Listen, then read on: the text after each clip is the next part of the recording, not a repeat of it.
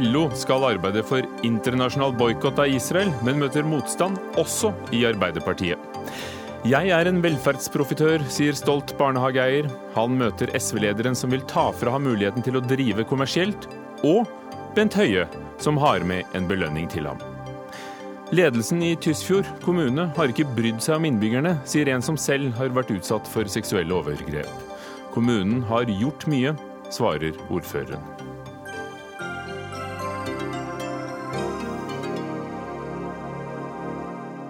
De to møtes her i Dagsnytt 18 i dag med Ugo Fermariello, hvor vi også skal ta opp hva som er ånd, og hva som er åndsverk og hva som er juss. Det handler om nye åndsverksloven, som har tatt en dramatisk vending i dag. Men det kommer vi tilbake til.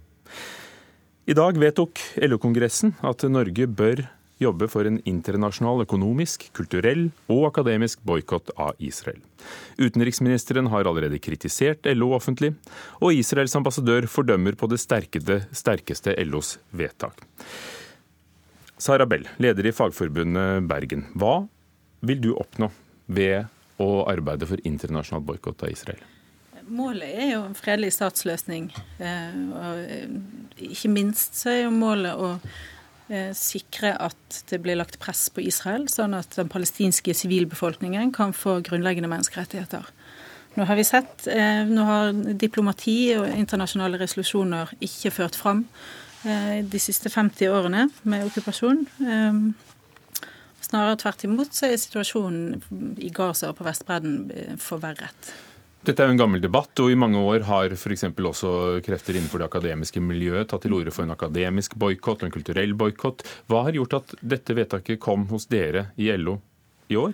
Ja, det Fagforbundet har jo vært en av forslagsstillerne her. og Fagforbundet har eh, som del av sin, sitt internasjonale solidaritetsarbeid sammen med Folkehjelpen prosjekter i Palestina. Vi var i Gaza i mars i år. Og I Gaza akkurat nå så er situasjonen prekær. Det er knapt fire timer med strøm i døgnet. 90 eh, av vannet kan ikke drikkes. Eh, vi har truffet barn som går på teaterforestillinger for å lære seg hvordan de skal opptre når bomber faller og de ikke har bomberom. Ja, ja, er, vi er veldig bekymret for hva som skal skje.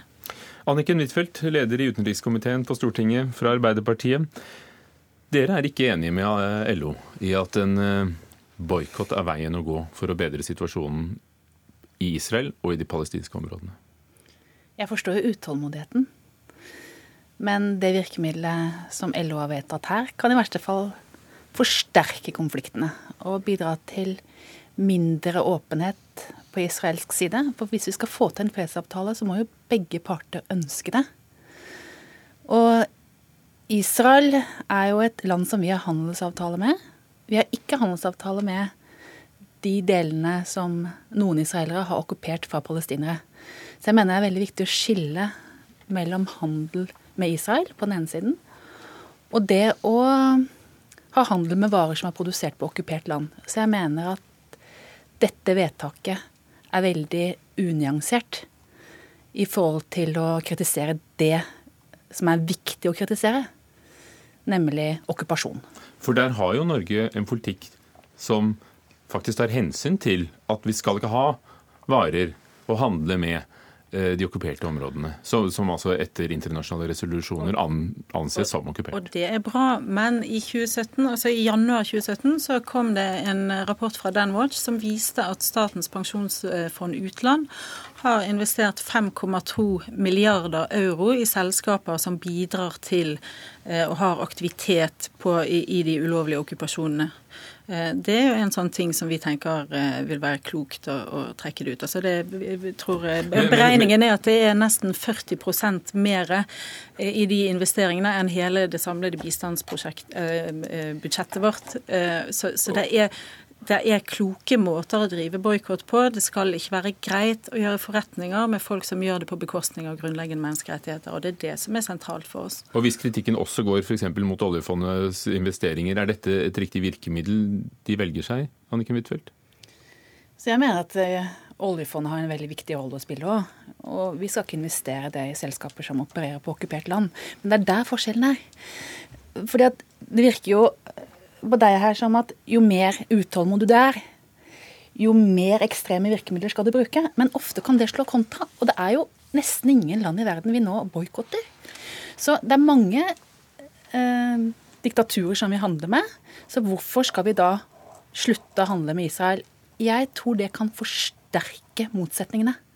Og du vet at du sier legge press, og det er jeg enig i, vi skal legge press. Mm. Men hvis det presset oppleves som at her vil vi ikke forhandle, her skal vi bli hardere, her skal motsetningene øke. Og spesielt det du snakker om akademisk og kulturell boikott, at vi ikke skal snakke med israelske kunstnere, at vi ikke skal snakke med israelske akademikere, det er jo veldig lite klokt. Tvert imot så tror jeg at samtale og dialog det bidrar til forandring. For det er jo den debatten som ofte går, fordi Israel er jo ikke ett samfunn. Altså Det er jo mange stemmer også innenfor israelske ikke bare det intellektuelle miljøet, men også israelske politikere. Men her tror jeg at Arbeiderpartiet misforstår eh, vedtaket. Eh, det er ingen som har sagt at vi skal slutte å snakke med, eh, med Israel. Altså et, en boikott for oss er ikke noen motsetning til dialog. Og en boikott mot israelske akademiske institusjoner som aktivt bidrar til å planlegge og målrette okkupasjonen, det er én ting. Enkeltmennesker, enkelte akademikere eller kunstnere fra Israel er det ikke snakk om å boikotte, men institusjoner som bidrar til å opprettholde eller legitimere eh, okkupasjonen. Så vil jeg si at vi vet at faktisk at boikott virker. Og da har... tenker dere på Sør-Afrika og apartheidregimet? Nei, ja, selvfølgelig, men det er ikke det jeg vil trekke frem. Det jeg vil trekke frem, det er at eh, i de seneste år så har eh, selskaper som SodaStream f.eks. har måttet flytte fabrikkene sine eh, til andre steder etter massivt press fra eh, boikottbevegelsen. Eh, G4S har måttet eh, trekke seg ut. Eh, og Veolia, som da bygget trikken i Jerusalem, har måttet trekke seg ut. Så vi vet at det fungerer. Og en annen grunn til at vi vet at det fungerer, er at israelerne nå har laget et eget departement mot BDS-bevegelsen, eller boikottbevegelsen. Og de utøver enormt press mot de palestinske aktivistene som er der. Omar Barghouti Nei, unnskyld. Nå husker jeg ikke navnet hans. Men, men, men, men ja. er, det, er, det, det at Israel er en nær Nato-alliert, alliert, eh, er med i Melodi Grand Prix, er uh, vår uh, diplomatiske venn, som gjør at uh, du, de, dere vil være nyanserte og ikke boikotte? Men det er jo nesten ingen andre land i verden vi boikotter. Så hvorfor skal vi boikotte Israel innenfor det som er folkerettslig anerkjente grenser? Vi kan protestere mot en del av deres politiske handlinger. Vi skal protestere mot okkupasjonen. Men jeg syns dette blir et feil virkemiddel, fordi at vi har jo sett at en del av de bedriftene som har, på, har operert på okkupert land, som er en del av den bosetterøkonomien og okkupasjonen, når de har vært utsatt for forbrukerkampanjer, så har noen av de flytta inn i Israel, innenfor folkerettslig anerkjente grenser. Og det mener jeg er veldig viktig. For det er bosetterøkonomien som bidrar til ulovlig okkupasjon den mener jeg at vi skal protestere mot. Og vi skal fraråde norske bedrifter å operere i disse områdene, og heller ikke investere oljefondet der. Men det er et lite målretta virkemiddel mot det vi protesterer mot.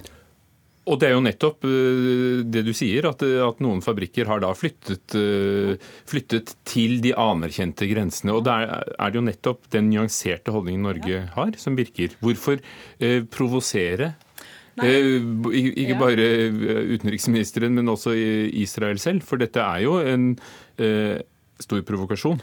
Men ja, Utenriksministeren er ikke jeg så veldig bekymret for, for jeg er mye jeg er uenig med utenriksministeren med. Men når det gjelder LO sin rolle i dette, så er jo ikke tanken at det er LO som skal boikotte noen. LO skal eh, ta initiativ til å snakke med fagbevegelsen i resten av verden å få i gang en folkelig bevegelse eh, som skal legge press på bl.a. partier på venstresiden og resten av arbeiderbevegelsen. Det var 193 for dette forslaget i dag, ja. 117 imot. Ja. Men Arbeiderpartiet, som er deres næreste politiske allierte, er ikke for.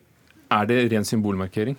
Overhodet ikke. Eh, altså jeg har full tillit til at den nye LO-ledelsen skal eh, tenke ut noen kloke måter å effektuere dette vedtaket på. Selv om den nye lederen selv var imot? Ja, vi har, eh, jeg har full tillit til at Gabrielsen og resten av sekretariatet skal finne kloke løsninger på dette, og at de også kan komme i god dialog med Arbeiderpartiet om det. Ser du det som symbolmarkering eller som reell politikk?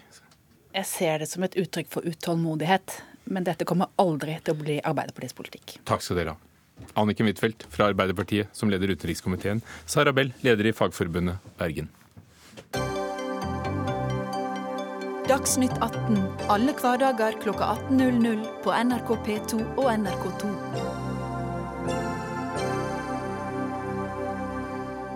Jeg er en velferdsprofitør. Det skrev du i Aftenposten denne uken, Jørgen Kjørven, og signerte i tillegg til den betegnelsen med gründer, eier, styrer, pedagogisk veileder, vaktmester og snekker i en liten barnehage som ligger på Østlandet. Ja. Jørgen Kjørven, du sier det med stolthet. Hvorfor? Ja, ja jeg, jeg, gjør jo ikke det med å være velferdsprofitør. Um, ja, det sier du kanskje med ironi? Veldig trygg på at jeg ikke er det. Um, men jeg har jo blitt kalt det, sånn som jeg har oppfatta debatten. Så um, det var å, et forsøk på å nyansere debatt. Du skriver om at du startet en eh, liten barnehage, bygd på egen tomt, dannet et eget AS, la ned et års gratis arbeid og, og, og driver denne eh, slik at det går rundt og har fått både priser og besøk fra utlandet. Hvorfor ville du satse på dette som, ja, som næring også? Ja, det var eh, I utgangspunktet så starta jeg jo en barnehage for barn, eh, ikke for penger. Og jeg hadde lyst til å prøve de uh, ideene jeg hadde om hva som er bra for unger, og hvilken oppvekst jeg har lyst til å gi ungene. og bl.a. mine egne unger. Så det er bakgrunnen. Hvordan har det gått, da? Uh, med mine unger går det bra. Tenk med barnehagen. ja. Uh, nei, det har gått bra med barnehagen òg.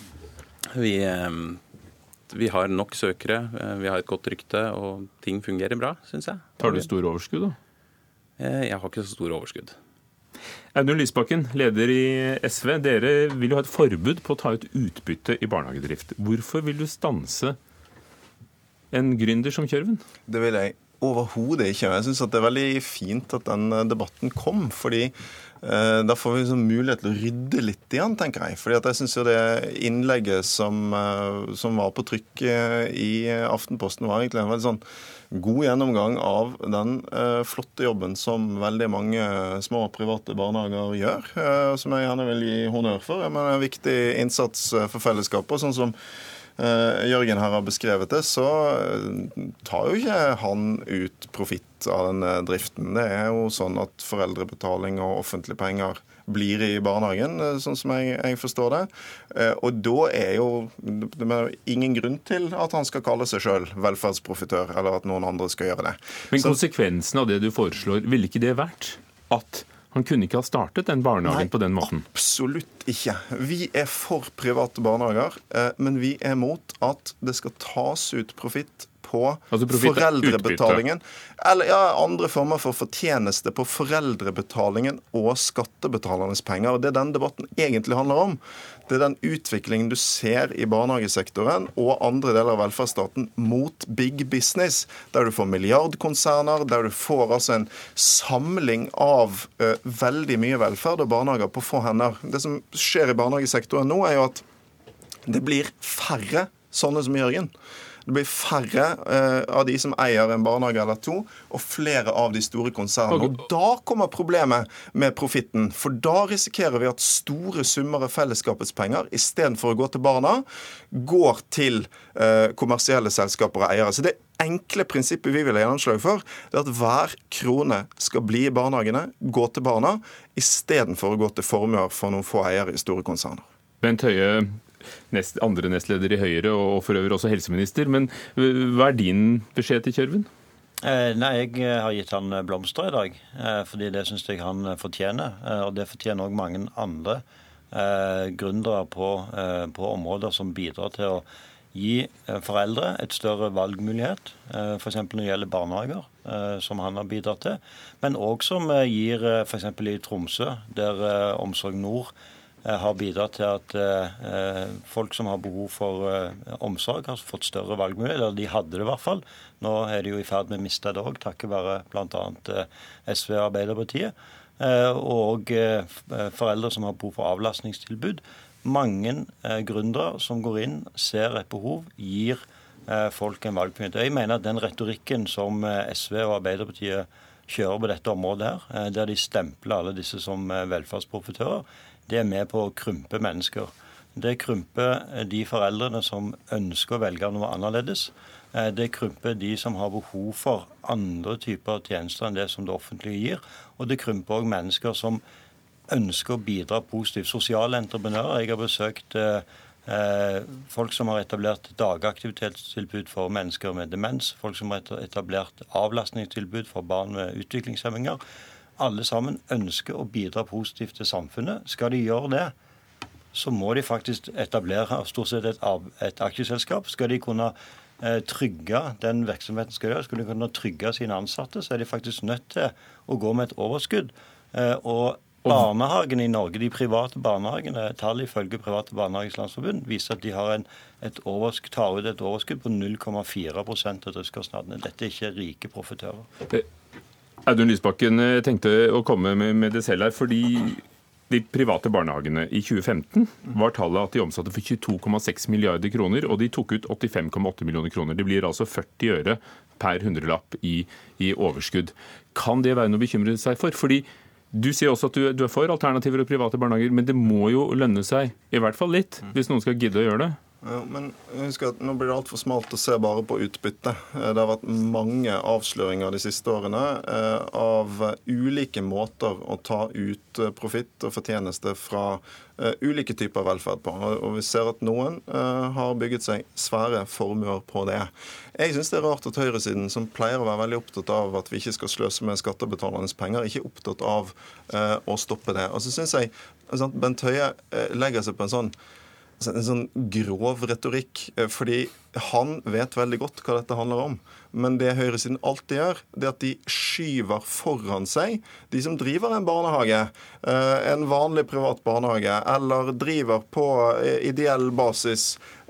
Mens det det egentlig handler om, er de store konsernene som er på vei inn i velferden vår, og som de ønsker å åpne for i mye større grad, og som vil føre til en kommersialisering. Det er det det handler om. Altså, du, må, du må slutte Hold på kruttet. Du må slutte å skyve foran deg du må slutte å skyve foran deg noe som bare bidrar til å avspore debatten. Det er faktisk det stikk motsatte. Du skyver de store internasjonale konsernene foran deg, mens i realiteten så fører SV en politikk i kommunen som tar livet av nettopp den type initiativ. Jørgen Kjelvin, føler du deg skjøvet foran av noen av dem?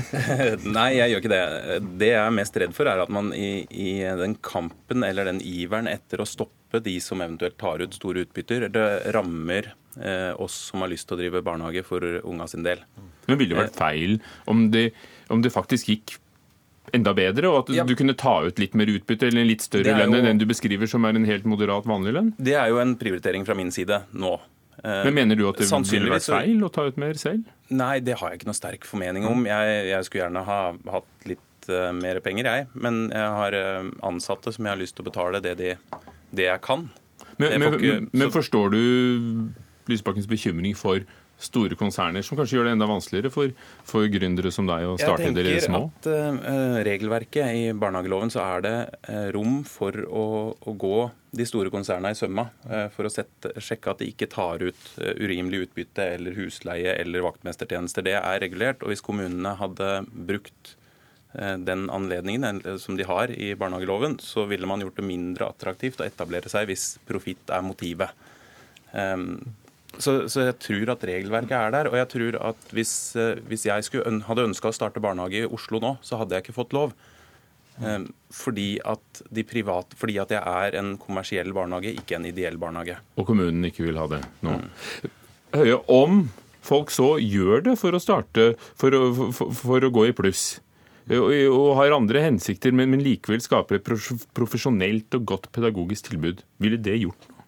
Nei, det er jo nettopp en trygghet for de ansatte og for familiene som velger disse tilbudene, at barnehagen går i pluss.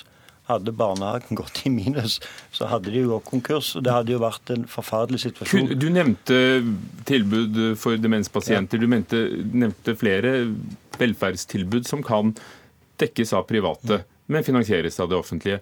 Kunne, det, kunne man gjort det samme for grunnskolen? satt ut skoler på, på samme måten? Altså, vi har jo en, eh, sko, en, lov når det gjelder skole som har vært der hele veien. Der er det ikke lov å ta ut Nettopp. utbytte. Men hvorfor, hvorfor, hvorfor, det? Kunne ikke det vært like lov der? Nei, rett og slett fordi det har alltid vært sånn. og Det er ingen som har starta grunnskole i Norge for å tjene, tjene, tjene penger. Jeg syns at den fungerer godt. Det er en pragmatisk og grei løsning. Men utfordringen med eh, det forslaget som SV kommer med på alle de andre områdene, det er jo at vi har invitert mange til å være med i en dugnad for å skaffe full barnehagedekning. Og Kristin Halvorsen, den tidligere SV-lederen, sa jo direkte sjøl i 2011 at det ville vært urimelig det som SV nå går til valg på. Nettopp fordi hun var med på å invitere til denne, til denne dugnaden. Fordi at barnehagedekningen er blitt god. Det, det er jo takket være de private. Hvorfor, spørsmålet mitt var hvorfor kom dere ikke dette med en gang. Altså da, da, det ble et barnehageløft. Vi strammet jo nettopp inn regelverket. Akkurat som eh, Kjørven her sa i sted, så slår barnehageloven eh, fast at uh, pengene skal komme barna til gode. Du skal ikke kunne ha mer enn det som et rimelig årsregnskap, som det står i loven. Problemet er jo at vi ser at det er altfor mange eksempler på at det nok omgås i dag. Vi risikerer at det likevel blir ført ut store penger av sektoren. Så vi ønsker å stramme inn regelverket. Men så er, jo, så, så er jeg glad for at vi får den debatten med Kjørven, for vi ryddet ryddet litt, uh, ryddet litt i dette. Men, men hvordan vil du stramme inn regelverket uten å, å ramme, ramme hans barnehage? Ja, men det er sant. Høie klarer ikke å komme et eneste konkret eksempel på at vår politikk ville stoppet denne barnehagen. Rett og slett fordi at den ville ikke gjort det. Det? Vi, det vi eh, vil ha en regel for, det er at de pengene som kommer fra kommunen og foreldrene, skal bli i barnehagen. Det betyr jo ikke at ikke barnehagen får lov til å gå i pluss, men at ikke eierne får ta ut av de pengene i privat fortjeneste. Det syns jeg er et veldig enkelt og rimelig eh, prinsipp. Det ville ikke stengt en eneste av disse barnehagene. Det er rettet mot den situasjonen vi risikerer å få, der velferden vår mer og mer blir et redskap for å bygge store formuer for noen få. Hadde dere klart barnehageløftet uten de store aktørene, som som kan være Serena Nolandia en annen. Jeg husker at Det vi ser nå, og som er nettopp forskjellen fra 2011, når dagens uh, regelverk kom, er at vi har en sterk konsentrasjon både i barnehagene uh, i retning større konserner, som gjør at de små private også taper. Jeg mener at Det er jo vårt regelverk som vil forsvare de. Og så ser vi det på andre felt også. I barnevernet kom det en knusende rapport til regjeringen som forteller altså at dagens praksis innebærer høy profitt til leverandørene, mer omfattende tjenester enn nødvendig, økte kostnader hos kommunen og Bufetat i oppfølging og kontroll. Regjeringen til Bent Høie gjør ingenting. Vi har spurt de, vet de hvor mye som forsvinner i profitt fra grunnleggende velferd? Nei, de aner ikke. De er ikke interessert i å finne det ut heller. Og så møter Høie seg sjøl fullstendig i døren her, når han altså syns det er smart å ha et profittforbud i skolen men er mot det i barnehage og barnevern. Det finnes ikke en eneste konsekvent begrunnelse for en sånn forskjellsbehandling.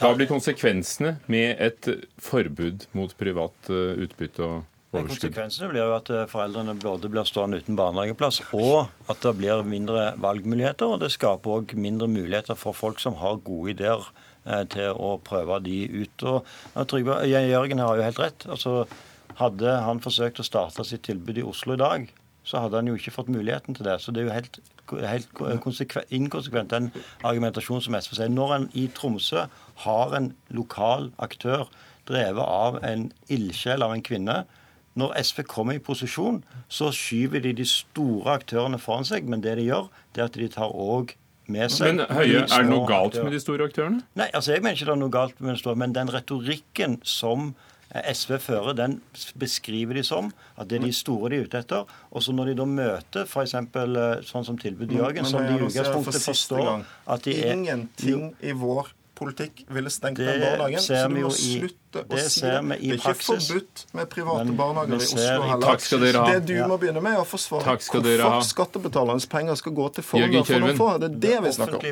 om. Ville du startet på nytt i dag, med klimaet som er i dag? Eh, jeg ville i hvert fall prøvd. Så jeg det hadde gått bra.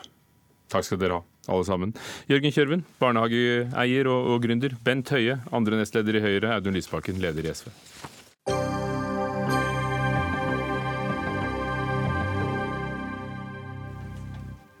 Tysfjord kommune i Nordland gjør lite for å hjelpe de fornærmede. Det sier en mann som selv opplevde overgrep store deler av barndommen. I går fortalte NRK at overgrepssakene i Tysfjord vokser i omfang. Politiet etterforsker nå 120 saker om seksuelle overgrep i kommunen, og dette er overgrep som skal ha skjedd over flere tiår. Flere enn 70 fornærmede er registrert. De aller fleste av disse var jenter mellom 7 og 16 år da det foregikk. Til nå er 80 personer mistenkt i saken, og politiet tror at tallene kommer til å stige. Karl Edvard Urheim, du bor i Tysfjord. Du opplevde selv overgrep da du var liten og har fortalt om det før også. Du sto frem i 2007. Men lite skjedde. Ble, ble du trodd? Uh, nei, det ble jeg aldeles ikke. Selv en så dramatisk historie. Hvorfor tror du at du, uh, du ikke vant frem med, med, det du hadde å fortelle? Nei, du, det tror jeg vi kan komme innom etter hvert. Det er jo en sak som uh, har mange sider. Og jeg kan jo si det innledningsvis at det, det er jo først og fremst de som, det apparatet som skal være i enhver kommune, skal være liksom førstelinje til hjelp til for de som trenger det. Og det eksisterte ikke noe i den tida iallfall, og, og ikke siden heller. da. Jeg hadde spørsmålet på tungen hvordan du synes at eh, kommunen har behandlet saken. Spørsmålet er kanskje heller har kommunen tatt fatt i saken, som du ser det? Eh, du, Vi kan begynne der, eh, før vi går på det spørsmålet. Fordi at 22.6 eh, i 2016 så hadde Tysfjord kommunestyre et møte hvor de har laga en felles uttalelse vedrørende overgrepssaken i Tysfjord. Og Den er publisert på kommunens hjemmeside den 5.7.2016. Og Da vil jeg at eh, ordfører Tor Aske Jørgensen i Tysfjord skal svare på spørsmålet først. Hva er det dere har beklaga? Hva er det dere beklager for noe? Ja, la, la, oss høre. Tor Asgeir Johansen, ordfører i, i Tysfjord eh, kommune. Hva, hva, hvor har kommunen feilet i denne saken, og, og, hva er det dere eventuelt beklager? Fordi det har du jo gjort. Ja, kommunestyret det gjorde jo som han eh, Karl Edvard Urheim sier. De, de beklaga jo overfor ofrene. Og det var jo utover alle de skjebner og sånn som det var, ble ramma av dette som kom fram. Hva har dere gjort da i denne saken? Det vi har gjort eh, siden, Hvis vi tar 22.6 og utover, så har vi jo eh, gjort betydelig innenfor eh, helse, omsorg, oppvekstetaten. Det går jo på det her med, med verging. Altså når man tar, tar, tak i ting og får at hvordan man skal håndtere det hvis man får, får noe tilbakemelding på at det kan være urovekkende forhold. og sånn. Så der er det gjort ganske mye innsats i Tysfjord. Mm. Karl Edvard Urheim, du har anmeldt kommunen. På hvilket grunnlag? Ja, jeg, får lyst jeg vil at ordføreren skal, skal utdype denne beklagelsen. For at jeg føler jeg får lov å si at jeg prater på vegne av meg sjøl som tidligere offer, og mange andre som har bedt meg om å si det og spørre. Beklager kommunen at dere har fått så mye arbeid å gjøre, så at det har samla seg opp ting som ikke blir gjort noe før, som er kommunens vitterlige ansvar. Er det det dere beklager, at dere har fått så mye å gjøre nå, for tida? Eller, eller, er dere oppriktig eh, beklager altså de belastningene og de, de skadene og, og, og, alt det som medfører med, med, med offeret, det det har gått ut for? Eller hva er det? Jeg, forstår ikke helt det der. Hva, er det man faktisk beklager? Beklager man seg av at man har fått så mye arbeid, eller hva det er for noe? Og jeg skal få lov å si at mange ofre de, eh, har reagert med vantro og sinne, og, og, sagt slik at den beklagelsen Det er ingen som forstår noe ut av den. Og de kan de kan like gjerne latt være å si noen ting, fordi at den har faktisk bare gjort saken verre. Og etter mitt syn så jeg vet ikke, man beklager, jeg forstår fortsatt ikke hva man beklager, faktisk. Johansen, hva beklager dere? Ja, Det er jo som eh, Urheim var inne på, det er jo den belastninga alle ofrene de, de, har fått i denne saken. Det er jo, det er jo et medmenneskelig beklagelse som er kommet fra kommunestyret i Tysfjord. Ja, men hvorfor sier, hvorfor sier, du ikke det da? Hvorfor sier du det nå, da? Det, det står ingenting om en beklagelse overfor det byrde og det, det, det som ofrene har måttet bære. Det står ingenting om det. Og jeg, skal få lov å si at 5. juli så sendte jeg en mail til fungerende ordfører da, Guttorm Aasebustøl, og han ba meg om å sende spørsmålet videre til deg. Og jeg sendte mail 5.9.2016 til deg, og har til dags dato ikke fått noe svar på det, den mailen. Hva er det dere faktisk beklager? Det er jo Men nå, nå får du et svar her. Hva er det kommunen burde ha gjort, mener du, gjennom årene? Eh, du, eh, eh For det første så er det ikke min jobb, det er ingen ofres jobb å fortelle kommunen hva de skal gjøre og ikke gjøre. Hvor har de sviktet? For, for det første, når kommunen ikke tar kontakt, ikke kommer på tilbudssida og spør hva har dere behov for, hva trenger dere, hva kan vi gjøre for dere? Og ingen har til dags dato opplevd en sånn sak. Og, og så kan jeg svare på det hva syns Tysvær kommune, hvordan de har behandla saken. At VG kom ut eh, 11.6 i fjor med denne eh, saken, 'Den mørke sannheten', er vel i grunnen svar nok. Og det er i seg sjøl en bekreftelse på at det er ikke gjort nok. Og det er gjort altfor lite og altfor sent. Tor Aske Johansen, det er altså 80 mistenkte i saken foreløpig. Politiet tror tallet vil stige. og En politiadvokat i Nordland eh, sa til NRK i går at han ikke kjente til noe annet sakskompleks som har fått samme omfang. Hva har dere gjort konkret? Ja, nei, det, det, det siste du sier. Det er jo en enorm sak. Vi må huske på at Tysø kommune det er under 2000 innbyggere. Og Da begynner man jo å se det når du hører hvor svær den saka er. De konsekvenser og hvor mye det berører mm. egentlig hele lokalsamfunnet her. Jo, i etterkant av, eh, to, av eh, det som kom fram i VG, så har vi jo selvfølgelig skjerpa alt som ligger innenfor eh, barnevern, altså meldeplikten der, skole. Altså vi, vi, er i gang og snapper signaler mer. Vi, man skal være, terskelen skal være utrolig lav før man går inn. Men samtidig så må jo også kommunen få inn meldingen. Og hva med de fornærmede? Det, det, er da, for Vi kan jo ikke endre fortiden, eh, sier du, men det, det, er jo da for dagens situasjon å hindre at noe skulle skje. Men hva med alle de fornærmede og ofrene. Dere har jo da flere rettssaker mot dere fordi eh, fornærmede mener at, at barnevernet f.eks. skulle ha grepet inn tidligere, at ikke nok ble gjort. Hva har dere gjort med, med alle disse menneskene som, som anser seg som ofre?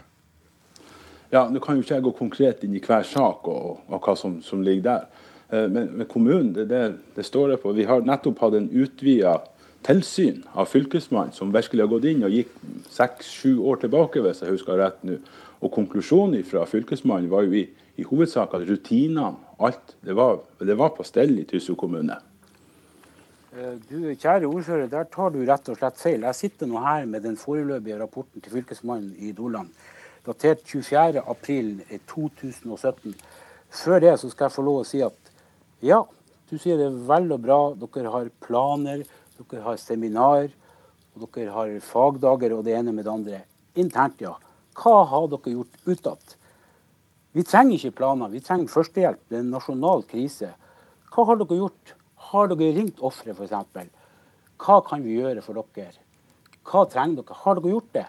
Har dere vært på tilbudssida, eller har dere bare gjemt dere bak et kommunedør eller bak en telefon? Hva har dere gjort rent praktisk? Ikke bare planer og fagsamling, det er veldig bra. Men utad, hvis dere har en sånn himla god plan, hvorfor, hvorfor er det ingen ofre som merker det? Hvorfor er det ingen mennesker som vet om det? Det hjelper ikke å ha gode planer. Hva, hva har dere gjort praktisk utad? Ja, Johansen? Ja da, jeg hører jo hva Urheim sier. Eh, så rent praktisk, ja, vi har alle som har ønska hjelp, de har, får det hvis de henvender seg til Tysfjord kommune. Men som jeg også har sagt her tidligere òg, eh, vi har begrensa ressurser, men vi har førstelinjetjenesten som inn. og de blir men, men det er kanskje, det, det, var jo en, en, en telefontjeneste som, som, ble lagt ned fordi ikke eh, folk benyttet det nok. Men det er kanskje vanskelig, særlig i en liten kommune. Eh, kunne dere, som Urheim etterlyser, vært den som tok initiativet? Ja da, Vi, vi oppretta med en gang så man hadde en telefon som alle kunne nå. Men jeg vil understreke at den dag i dag kan du ennå nå inn til kommunen. Det, det, er ingen problem. Men kan kommunen dere nå ut? Folk kan nå inn til dere, men kan, kunne dere nådd ut til, til folk i kommunen? Vi kunne jo selvfølgelig sikkert, Når man ser ting i ettertid, så er det alltid måter man kan gjøre Når er man god nok? Det er det som er spørsmålet. Så spørsmålet igjen til Urheim da, da må han konkret si hva? Vi, vi, vil bare vite. Det er ikke noe vondt i det jeg spør om. men hva syns Urheim vi skulle ha gjort bedre? Urheim, vi, vi, kommer ikke til bunns i denne samtalen i dag. Nei, og denne nei. saken fortsetter, og, og rettssaker er allerede på gang. Men hva ønsker du nå, etter at alle planene er lagt fra kommunen? Hva, hva ønsker du deg? Ja, men Det er forstemmende at ordføreren og ledelsen i Tysø kommune kommer og spør nå, da. Hvorfor har vi ikke gjort det? Det er jo snart et år siden VG kom ut og man, man, man driver og, og, kaller det for lukkede samfunn og det ene. Hva har dere gjort? Ordfører, kjære ordfører, du driver ikke, du driver ikke å bygge broer og bygge tillit med stigmatisering og rive ned broer, som du sjøl har ofte sagt at eh, eh, ting skal skje, og du lover den ene og den andre, og ingenting skjer. Det er ikke brobygging, og det, det er ikke Karl, tillitsvekkende. Karl Edvard Urheim, takk for at du var med fra Tysfjord, og takk til deg også, Tor Asgeir Johansen, ordfører i Tysfjord kommune. Vi må la samtalen forbli der i dag.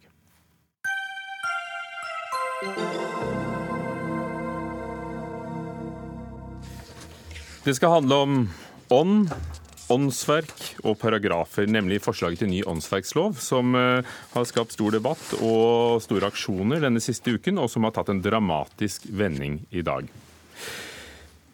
Den siste uken har altså kjente og mindre kjente norske artister mobilisert mot regjeringens forslag til ny åndsverkslov. I dag fikk vi vite at Stortinget kommer til å si nei til den mest omstridte paragrafen. Den heter nummer 71, og den sier at opphavsretten til et verk blir overdratt til arbeidsgiveren dersom den skapende kunstneren er i et ansettelsesforhold, eller noe som ligner på det.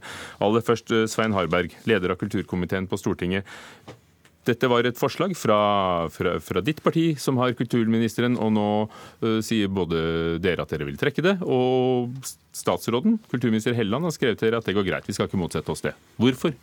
Ja, Det er helt riktig, og det er fordi at jeg sendte et spørsmål til statsråden i formiddag.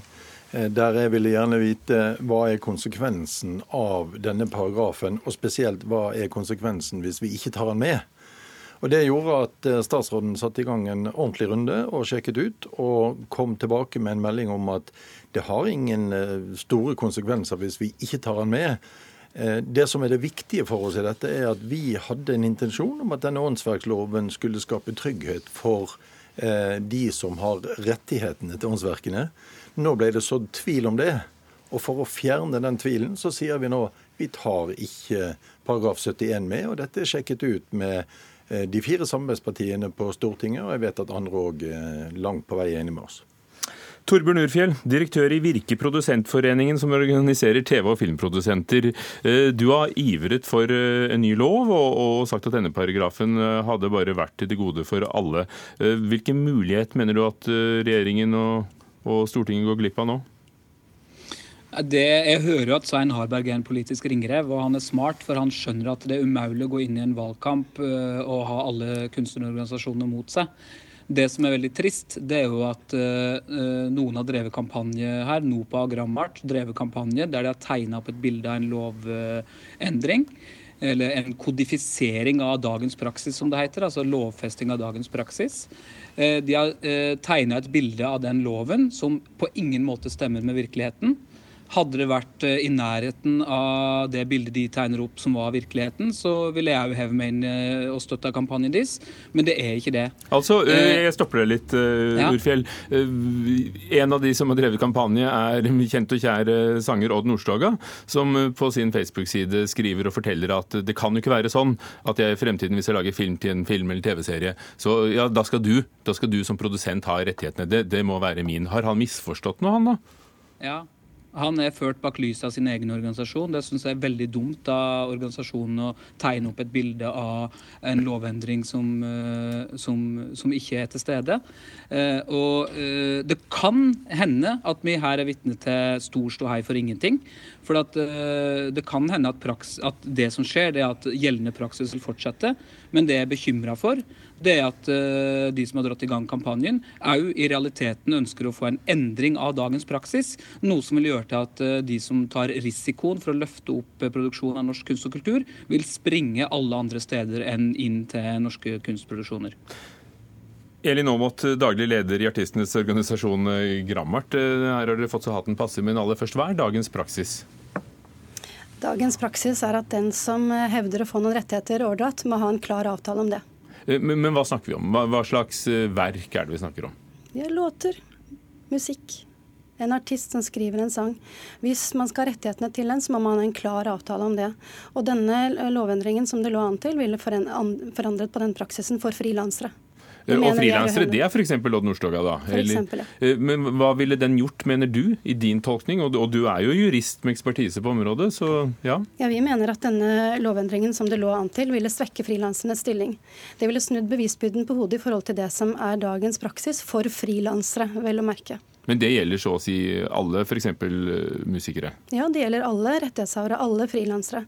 Vi mener at det ikke er urimelig at den som krever noen rettigheter overdratt til seg, har en klar avtale om det. Rettigheter til hva da, f.eks.? Ja, Det kan være musikk, og det kan være bøker, og det kan være hva som helst. Torbjørn Urfjell, hva, hva, har de misforstått? For det står jo i det forslaget som, som, ble tatt bort at i et arbeidsforhold eller under en produksjon så skal rettighetene overdras til produsentene. Ja, det er I den grad det er nødvendig og rimelig. Og virkeligheten er jo at vil, eh, vi vil fortsatt drive og være i uendelig lange forhandlinger om rettighetsavtaler. Eh, jeg har nettopp landa en rettighetsavtale med Norsk Filmforbund på filmområdet, som gjør til at man kan eh, få klarerte rettigheter på den måten. Og, og Det betyr altså, unnskyld, være helt konkret, at dere ja. da kan selge en, en, en TV-produsent, en filmprodusent, kan selge filmen videre, er det sånn? Ja, Man har jo retten da til å utnytte verket, og man er jo helt nødt til å få erverva rettigheter eh, for en stor og dyr TV-filmproduksjon. Eh, ellers er det jo ingen som vil være villig til å ta risikoen til å investere i den. For åndsverk de oppstår jo ikke på mirakuløst vis av seg sjøl. Eh, eh, filmer produseres ikke av seg sjøl med at en regissør møter en skuespiller. Det må være noen som er villig til å ta risiko for å løfte disse produksjonene opp. Elin Aamodt, ja. det er jo det at det skal jo være en viss mulighet for å, å, å, tjene på det. Er det den dere vil frata? Absolutt ikke. Og bare for å si Det det er ikke noe uforståelig at Produsentforeningen virker og vi er uenige om denne forståelsen av, av paragrafen. Vi mener, og mange med oss, at en slik lovendring ville svekke frilansernes stilling og stille dem i en dårligere posisjon. Dette handler rett og slett om hvem som skal tjene penger på kreativt virke, og vi mener at rettighetshaverne skal ha rettighetene i behold, med mindre noe annet er avtalt. Svein Harberg, du sier jo... forandre dagens praksis? I, I, forhold til investeringen, som Urfeld var inne på, så er det ikke slik at det utelukkende er produsenten eller erververen som har investert. Men Ønsker dere å forandre dagens praksis? Eller vil du at det skal fortsette som i dag, at det er ålreit i dag? Vi ønsker at den som skal ha rettighetene til noen ting, skal ha en klar avtale med f.eks. artisten om det. Hvis man ikke har en klar avtale, så har artistene rettighetene sine beholdt. Det syns vi er rett og rimelig. Og da Urfil, er det vel bare å, å avtale, da? da? da? spiller det vel egentlig ikke så mye stor rolle hva det står i loven, så lenge dere inngår ordentlige avtaler? Det vi trenger, det er forsikringsordningen i de få, ytterst få tilfellene der det kanskje ikke kan dokumenteres at man har gjort en sånn avtale. Eh, man ikke kan komme i en situasjon der du risikerer at du har en fiks, ferdig, fin spillefilm klar, og så uh, kan den rett og slett ikke komme på lerretet. Svein Harberg, det, det er jo veldig forvirrende her. fordi uh, Dere sier jo at denne lovendringen kan dere, dere bør ikke ha med den paragrafen, for den hadde egentlig ikke betydd noe? Nei, Det som er det viktige her, er at uh, riktig som Urfjell sier, at her kan en inngå avtale. Det kan en gjøre både med og uten denne paragrafen.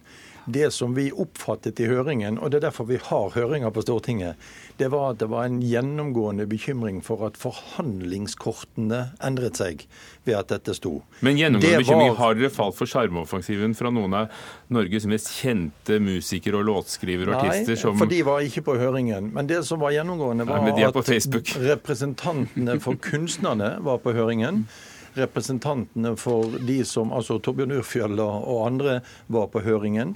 Og i meldingen står det at intensjonen er at gjeldende praksis skal videreføres.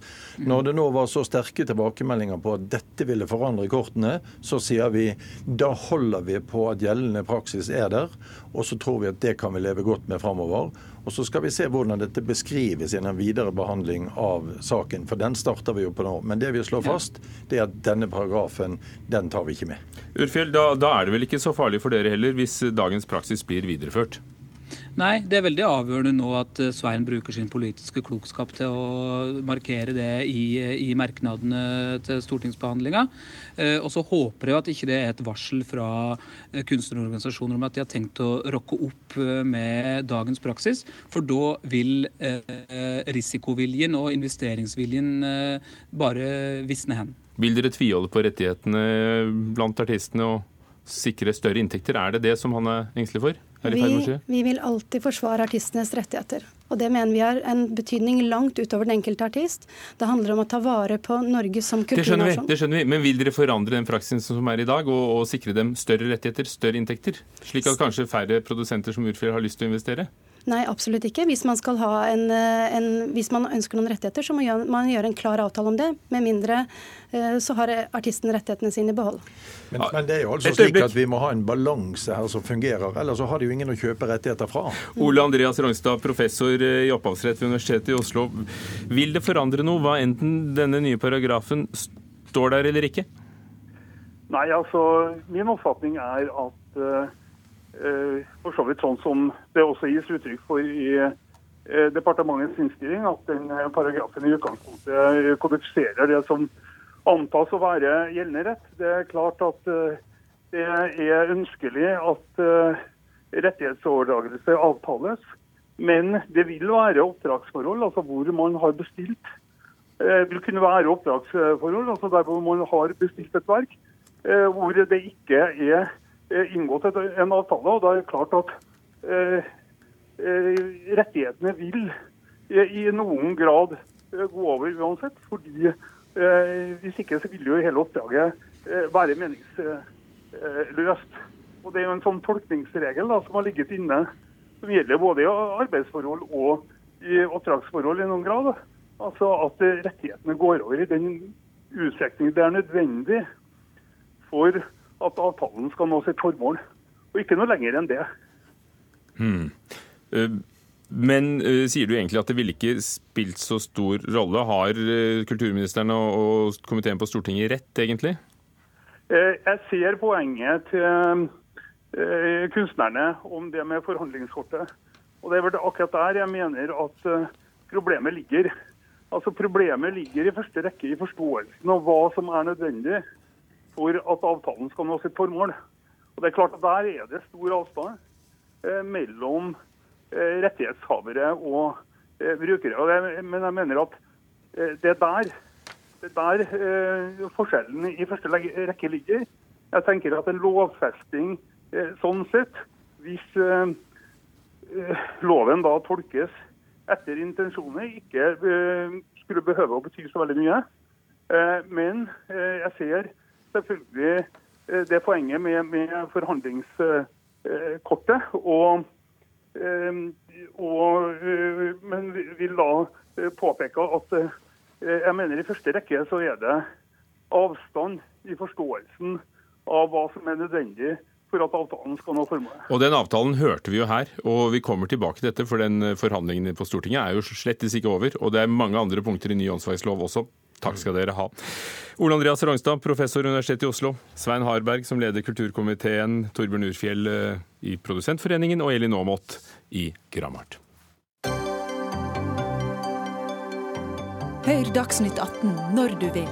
Radio NRK Radio.nrk.no.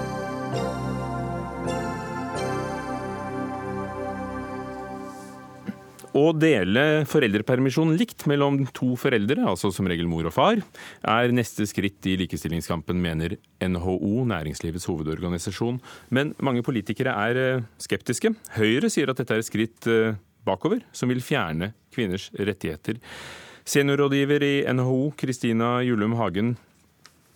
Hvorfor eh, vil dere gå inn for dette som er ganske drastisk i forhold til hvordan det er i dag når det gjelder barselspermisjon? Ja, det er jo et forslag fra Barnefamilieutvalget som hadde fått i oppdrag å utrede fremtidas eh, ordninger for barnefamilier. Og vi mener at dette er nettopp et fremtidsretta og spenstig forslag. Det er ikke et forslag som vil bli vedtatt i morgen, men vi syns det er spennende å tenke på at det er kanskje den retninga vi beveger oss i. At unge folk som blir foreldre om noen år, kanskje beveger seg i retning av å dele likt på ansvaret hjemme og også mer og mer i arbeidslivet. Men hvorfor er dette bra for, for dere, sett fra næringslivets side? Det er fordi måten vi innretter familiepolitikken på, har mye å si for likestillinga i arbeidslivet. Og hvis vi mener alvor med at vi ønsker et likestilt arbeidsliv, hvor kvinner og menn bidrar på lik linje og tar like mye ansvar, så har det kjempemye betydning hvordan vi prioriterer i familiepolitikken. Og lange permisjoner som bare kvinner tar, lange avbrekk fra arbeidslivet og et mye større ansvar på hjemmebane, det gir seg utslag i mindre likestilling i arbeidslivet, mer deltid for kvinner og færre kvinner i lederstillinger. Og Det ønsker vi å gjøre noe med, og da er foreldrepermisjonen et virkemiddel, rett og slett. Tina Bru, stortingsrepresentant for Høyre og leder av Kvinneforumet i partiet. Det er bare et tidsspørsmål, skal vi tro NHO og, og dette utvalget? Ja, Det er ikke jeg helt enig i, og jeg tror heller ikke det. Og Det viser også denne landsmøtevåren blant partiene, at uh, dette er en diskusjon som har gått i flere partier, men som ikke har fått uh, gjennomslag. Um, men jeg deler intensjonen til NHO, og jeg forstår hva de er opptatt av. Jeg også ønsker at kvinner skal delta i arbeidslivet. Jeg ønsker meg òg at eh, flere fedre tar mer permisjon enn det som er pappakvoten i dag. Men at det er dette som må til, altså en todeling hvor du sier at man er nødt til å dele, at staten skal tvinge en familie til å dele 50-50, det tror jeg ikke er eh, et eh, godt forslag. Jeg mener at foreldrepermisjon først og fremst er til for barnet. Jeg mener òg at ikke alle familier er like. Og det vil eh, kanskje være noen kvinner som trenger å ta mer enn seks måneders permisjon etter at de har født et barn, mens kanskje andre kvinner syns at det holder med seks måneder. Og det må familiene få lov til å bestemme selv. Og det kan de i dag? Ja, det kan de i dag. Altså, vi har en kvote som er for far, vi har en kvote som er for mor. Men vi har også en veldig stor del av permisjonen som kan deles fritt mellom foreldrene. Men den kvoten for far, den ville jo dere kutte, og det gjorde dere. Eh, ikke sant? Fra 14 til 10 uker. Og, og Syns du det har vært en suksess, denne reduksjonen? Det er ingenting som tyder på at det, det foreløpig har vært eh, veldig veldig problematisk. Altså Tallene vi har, viser jo at eh, antall dager som fedre tar permisjon, har gått ned fra 49 til 47 dager. Så det er jo ikke en kjempestor endring. Og jeg mener òg at det blir liksom, liksom feil å si at likestilling i arbeidslivet i Norge står og faller på pappakvoten. Om den skal være 14 uker, 12 uker eller 10 uker. Jeg mener vi skal ha en kvote, men jeg mener også at vi er nødt til å bevare valgfriheten i ordningen. For det er jo det. Ingen familier er like?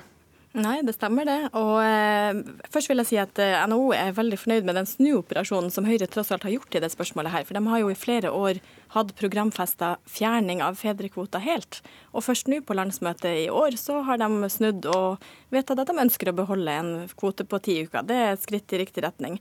Men vi mener at den kvota nok ikke er lang nok hvis vi skal se reell endring i arbeidsmarkedet. Men så er det jo det at, at mødre veldig ofte ammer f.eks., og, og noen ønsker å være lenge hjemme i seks måneder. Hvorfor skal de ikke få ha den fritiden. Det som må telle for næringslivet, er jo hvor mange uker, og nå er det 49 uker, det er ganske raust, eh, hvor mange uker vi velger å gi til nye foreldre. Ikke akkurat hvem som tar dem, kan ikke bestemme det selv?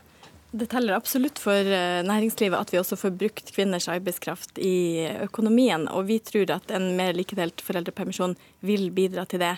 Og det her Utvalget som har kommet med forslaget, de foreslår jo også å endre hele prinsippet, hele tenkinga rundt foreldrepermisjon. At det ikke lenger skal være én bolk som gis til familien, men at det skal være individuelle rettigheter som både mødre og fedre har. Altså du, Hvis du blir far, har rett til så og så lang foreldrepermisjon basert på din egen opptjening i arbeidslivet. I dag så er det jo sånn at fedre er prisgitt mammaen til barnet sin tilknytning til arbeidslivet for om de kan få permisjon i det hele tatt. Du kan godt være en far som har jobba fullt og allikevel ikke har rett på en dag permisjon, fordi den du får barn med ikke har den riktige tilknytninga til arbeidslivet, er student f.eks. eller arbeidsledig. Så dette er en, en prinsipielt eh, liberal endring som foreslås fra Barnefamilieutvalget, mener vi. Som og, og liberal er vel et musikk i dine ører, Tina Bru. For hvor lenge mener du at dagens ordning kommer til å være ideell? Nei, men jeg må bare først si at Her er jeg veldig enig med mye av det som blir sagt fra NHO. Altså, vi gikk jo også på vårt landsmøte inn for at eh, foreldre skal ha selvstendig opptjeningsrett til foreldrepermisjon. Nettopp fordi at både far og mor fortjener like rettigheter knyttet til det å få barn. Eh, vi har også foreslått bl.a. at man skal fjerne kravet om at fedre i dag er nødt til å gi en skriftlig begrunnelse for hvorfor de skal ta ut permisjon av felleskvoten. Dette er jo alt forslag for å gjøre det enklere for fedre å ta mer permisjon. for Det er en intensjon jeg deler fullt ut. Spørsmålet er skal man innskrenke den tiden kvinner i dag har lov til å ta permisjon, Eh, for å oppnå eh, fullstendig likestilling i arbeidslivet. Jeg mener at Vi er også nødt til å tenke på familiene her. Vi må tenke på at noen kvinner ønsker å fullamme til seks måneder, kanskje opptil et år. Og Hvis de tvinges tilbake på jobb fordi at man har et rigid regelverk, så vil det svekke eh, valgfriheten til familiene. Og det tar heller ikke hensyn til at mennesker er ulike. Så det er et for stort inngrepen, selv om jeg deler intensjonen til NHO. Men du tror også Høyre vil snu, du? Jeg har jo merka meg hvordan denne debatten ser ut i Sverige. og Der går Moderaterna, sitt ungdomsparti, inn for det de kaller for nei, unnskyld, individualisert foreldreforsikring, som er likedelt foreldrepermisjon. Så her kan jo Høyre lytte til sitt søsterparti i Sverige. Takk skal dere ha. Kristina Julum Hagen fra NHO, Tina Bru fra Høyre.